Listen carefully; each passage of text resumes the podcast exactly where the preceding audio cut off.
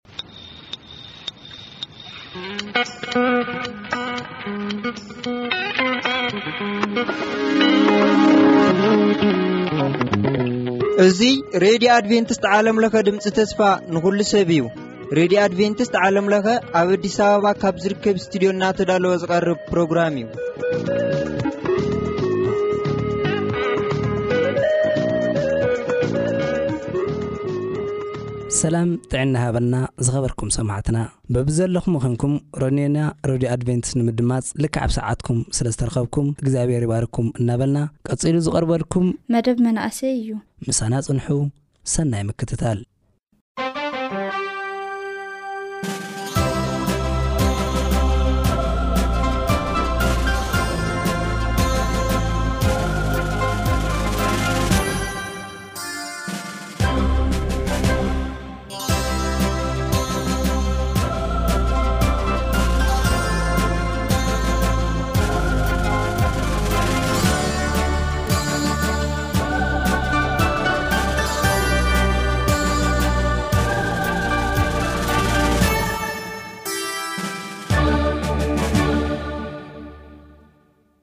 ሰላም ሰላም ከመይ ቀኒኩም ክብራት ተከታተልቲ መደባትና ናብቲ መደብ ቅድሚ ምእታውና ግን ንጸሊ ነመስግነካ ዘለኣለማዊ ዝኮንካ ኣምላኽ ሰማይ በዚ ዕለት እዚ ጥዑም ዝኮነ እንጀራ ክንበልዕ ተቆሪሱ ዘይውዳእ ናይ ዘለኣለም እንጀራ ከዓኒ ከይንጸምእ ኩል ግዜ ስለተዳለየልና ንዕሊ ትንጌራና ስለተበና ነመስግነካ ምሕረት ነዚ ምድሪ ኩል ግዜ ካባና ስለ ዘይፍለስ ብምሕረት ዓይንኻ ከኣን ስለትዳነየና ስለትጥምተና ነመስግነካ እምበኣር ከቲ ሕጂ መደባትና ብንጅምር መንፈስ ቅዱሳዊ ዝግባኤ እዝን ንሰምዖ ገናትን ጎይታ ንስኻ ናይ ህይወት መምህር ኮይንካ ክትርከብ ንስኻ መደብና ክትመርሕ ንልምነካ ኣይትፍለየና ብሓደ ወድኻ ብትፈትዎ ብመድሓኒናን ብሽም የሱስ ኣሜን እምበኣርከስ ክብራት ተኸታተልቲ መደባትና ቅኑዕ ዝኾነ ሰብኣይ ቦኤዝ ኣብ ናይ ቦኤዝ ግራት ከይዳ ክትቓረም እንከላ ንሱ ዝገበረላ እግዚኣብሔር ዝገብረላ ዘበለ ዝነበረ ነገራት ንሕድሕዱ ትናታ ዘንታ ቀስ እንዳበልኩ እንዳነገርኩኹም ነይረና ብኣርከስ ሕጂ እውን መን እዩ ቦኤዝ ዝብል ነገር ከዓኒ ነሆሚ ከም ዝነገረታ ቦኤዝ ከዓኒ ናይ ይሁዳ ዘርኢ እዩ ዘን ንሳ ምስ መንያ ናብ መንያ ትኸይድ ደላ ናፍቲ ናቱ ግራት ልብል ነገር ምክንያቱ ዘቐልዓ እዚኣ ታይታይ ጥያቂ ኣለዋ ሓደ ኣዝማዲ እስራኤል ክትኸውን እያ ትደሊ ነይራ ካልኣይ ከዓኒ ናይ እስራኤል ኣምላኽ ክተምልኽ እዩ ዝደለየት ነይርዋ ሶ ዝዕድላት እዚ ከረኪባቶዶ ድብል ነገር ሕጂ ክንኣቲ ኢና ባርከስ ብዝሓለፈ ኣብ ምዕራፍ ክልተ ፍቕዲ ክንደይ ኣቋሪፀለ ነይረ ብልዒ ስተይ ልዋ ብሊዓ ሽዑ ከዓ ንተመሊሳ ናብ ኖሃሚ ከይዳ ዝረኽበቱ ኩሉ ዘጋጠማ ዘበለ ዛንታ ኩሉ ነጊራታ በኣርከስ ኖሃሚ ከዓ እንተሓጒሳ እንታይ ትብል ደስ ድበለኒ ናሆሚ ክትብል ከላ ክትዛረብ ከላስ እንታይ ትብል ኣብዚ ውዒለ ኣብዚ ቦታ እዚ ከምዚ ዓይነት ሰብ ከምዚ ዓይነት ሰብ ክትነግሮ ከላ ንሆሚ ንሰበይቲ ወዳ እቲ ንህያዋን ንምውታን ምሕረት ዘየቋርፅ ንህያዋንን ንምውታንን ምሕረት ዘየቋርፅ እግዚኣብሄር ይባረኽ በለት። መሊሳ ድማ እዚ ሰብኣይ እዚ ቀረባ ዘመድና እዩ፣ ንሱ ኻብቶም ዚረድኡና ዜውርሱና እዩ በለታ። እታ ሞኣባዊት ሩት ከኣ፣ ንሱስ ብዘሎ ዓጺደይ ክስካዕ ዝውዳእ ካብቶም ኣገልገልተይ ኣይትፈለየ ኢሉኒ በለታ። ናሆሚ ድማ ንሩት፣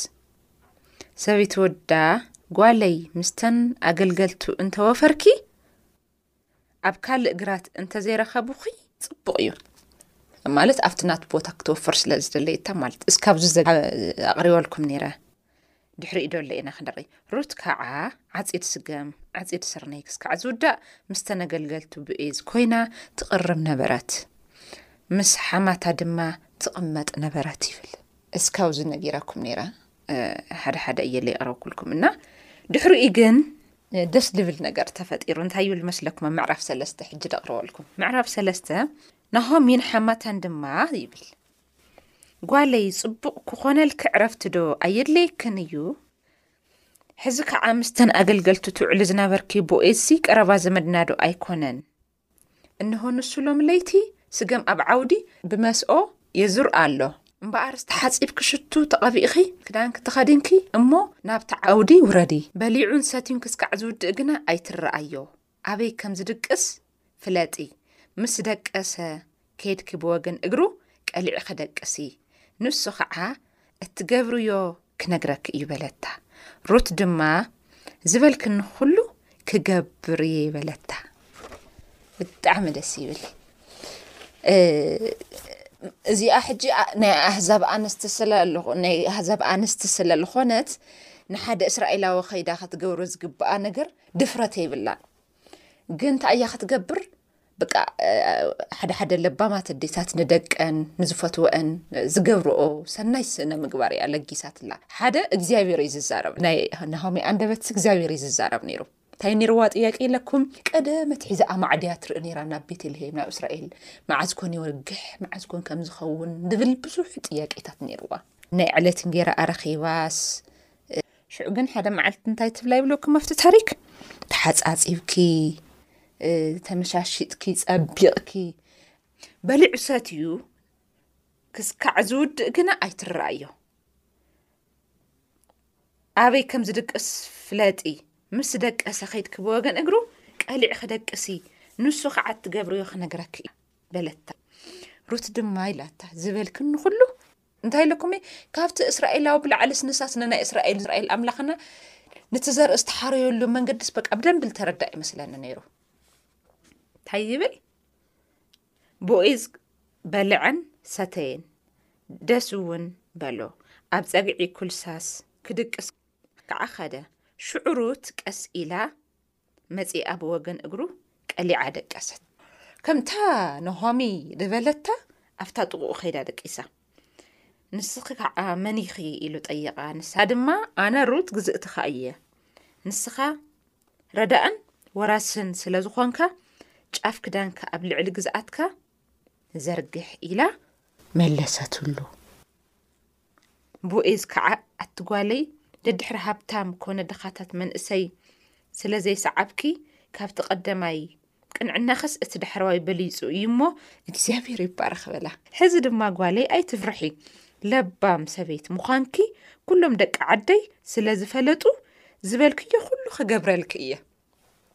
መመገዳ እንዳኸደ በቃ መገዳ እንዳፅረየ እዩ ዝኸይድ ነይሩ እሞ ከዓኒ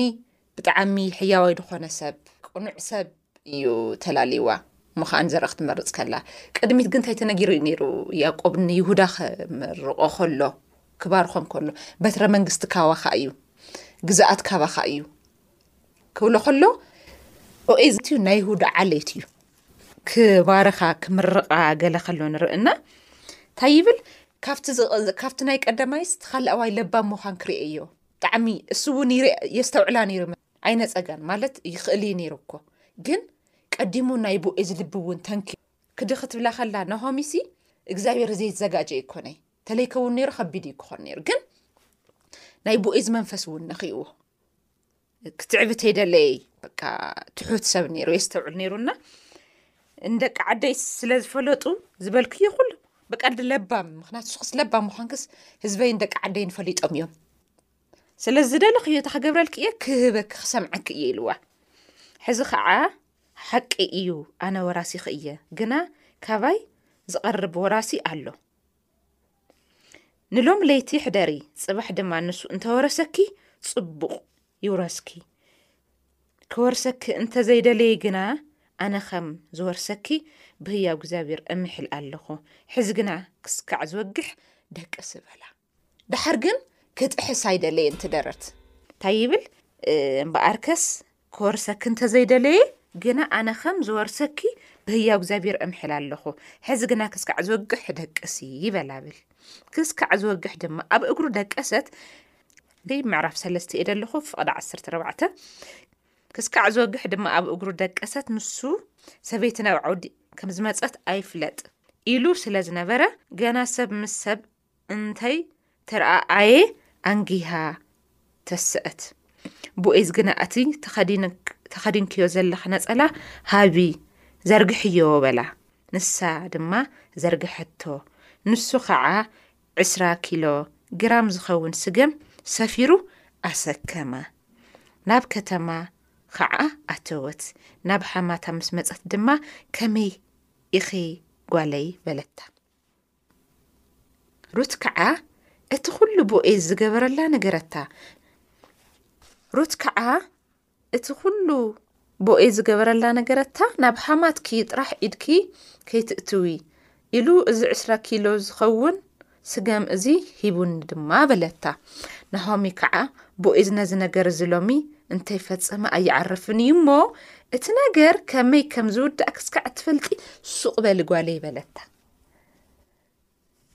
ስለዚ እግዚኣብሔር ካልኣይ እታ ገይርላ ኣሎ ማለት እዩ መጀመርያ ንሱ ክተምልኽ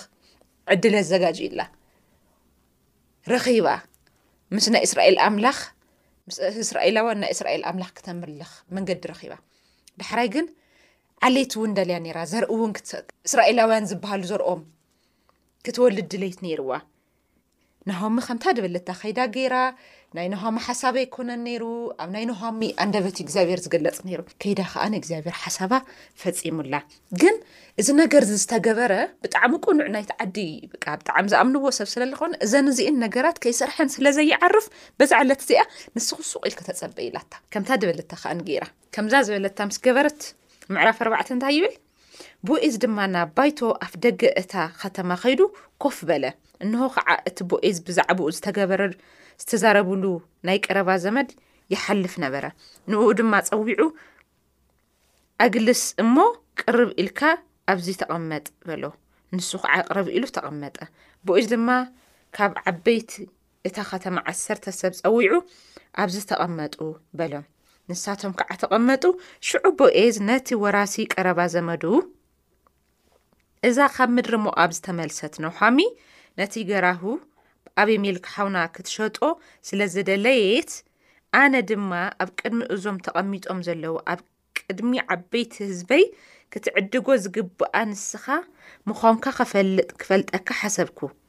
በይዛኻ ወራሲ የለን፣ ብድሕሬኻ ከዓ ኣነ እየ እሞ ትዕድጎ እንተ ኾይንካ ዓድጎ፣ ዘይትዕድጎ እንተ ኾይንካ ግና ክፈልጥ ንገረኒ በሎ ይብል። ብዘይካኻ ወራሲ የለን፣ ብድሕሬኻ ከዓ ኣነ እየ እሞ ትዕድጎ እንተኾይንካ ዓድጎ፣ ዘይትዕድጎ እንተኾይንካ ግና ክፈልጥ ንገረኒ በሎ። ንሱ ከዓ ክዕድጎ እየ በለ። ቦኤዝ ድማ ነታ ግራት ካብ ናሖሚ እትዕደገላ መዓልቲ እቲ ርስቲ ብስም እቲ ምዉት ምእንቲ ክጽዋዕ ንሩት እታ መኣባዊት ሰበይቱ እቲ ምዉት ክትወስዳ ኢኻ በሎ። ዘመድ ርስተይ ከየበላሹስ ኣይወርሳን። እዚ ንምንታይ ይኸውን ኣሎ መስለኩም? እግዚኣብሔር ካብ ናይ ይሁዳ በትረ መንግስቲ ክውረስ ዝደልዮ መንገዲ ስለ ዝነበረ ማለት እዩ።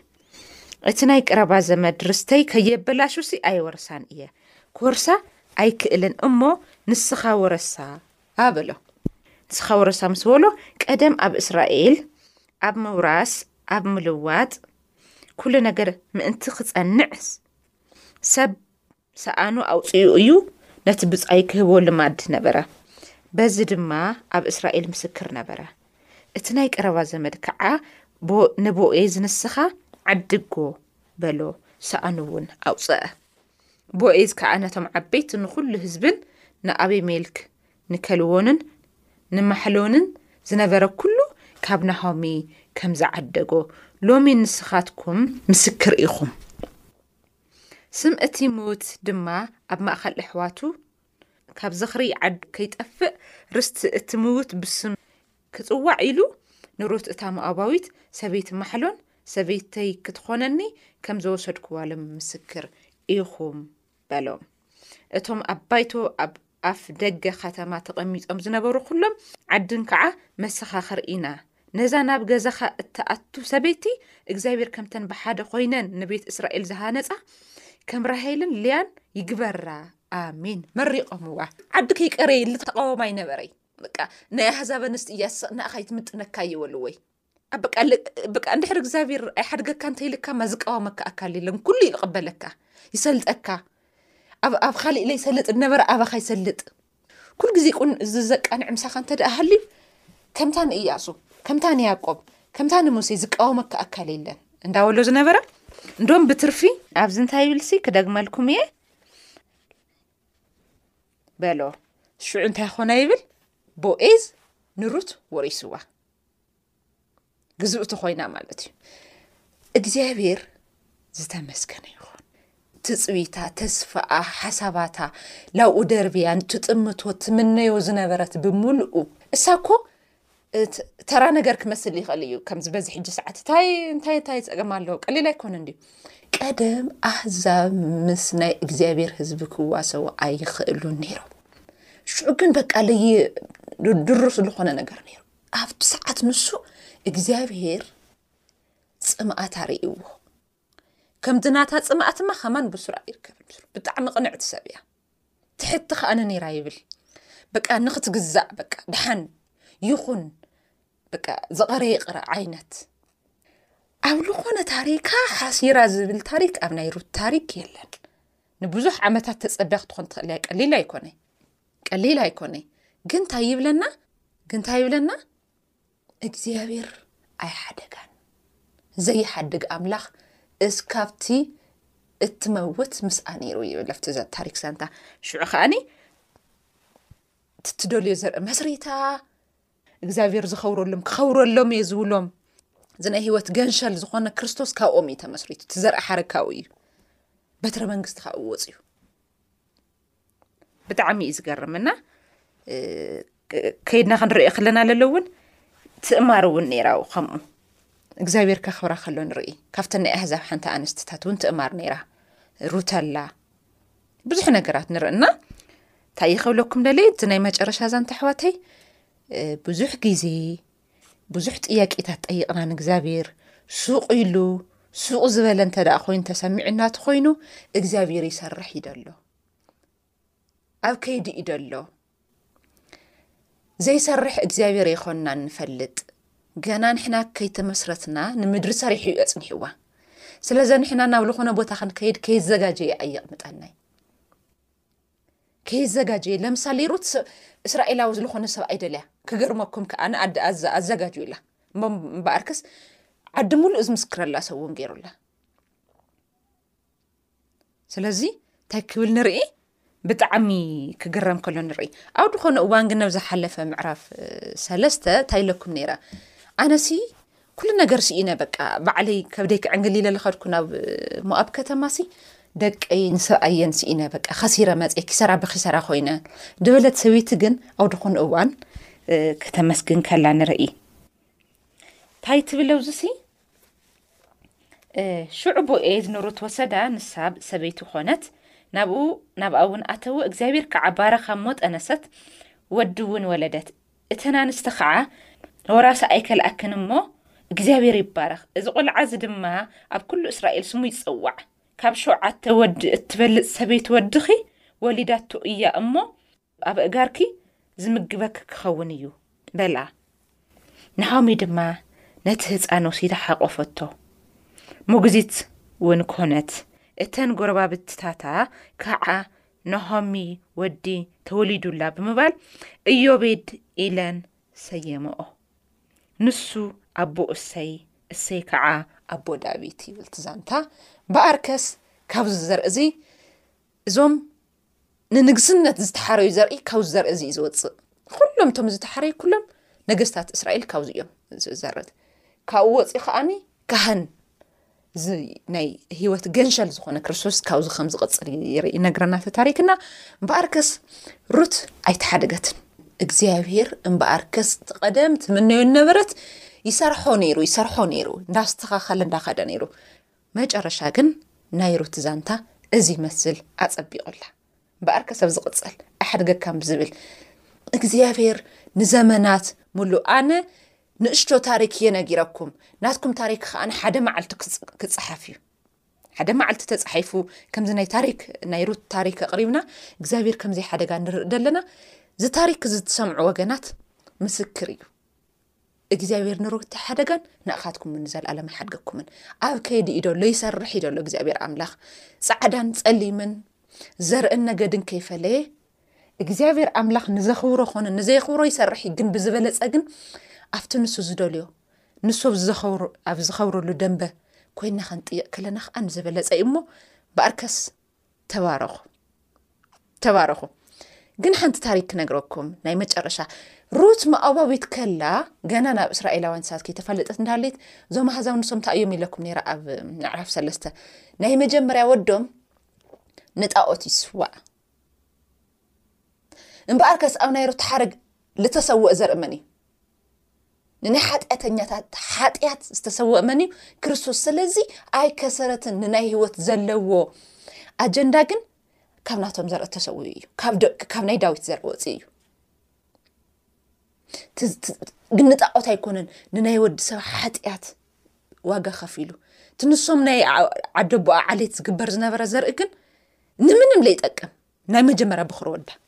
ሕጂ ሒሰዎ እሞ እዮቤድስ ክስዋእ ነይሩ ማለት እዩ ኣኖ ኣይከውን ወይ ንወሎ እሞ እዮቤድ ካቦኢ ስለ ዝኾነ ንግደፎ እሞ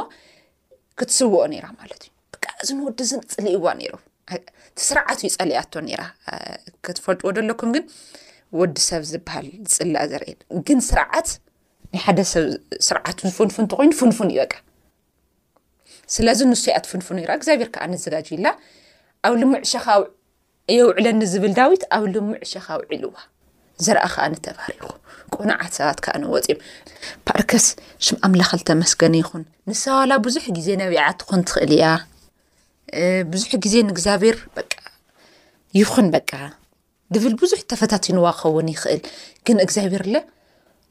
ንቲ ትደልዮ ክፍፅመላ ዝዕገስ ልቢ ሂዋ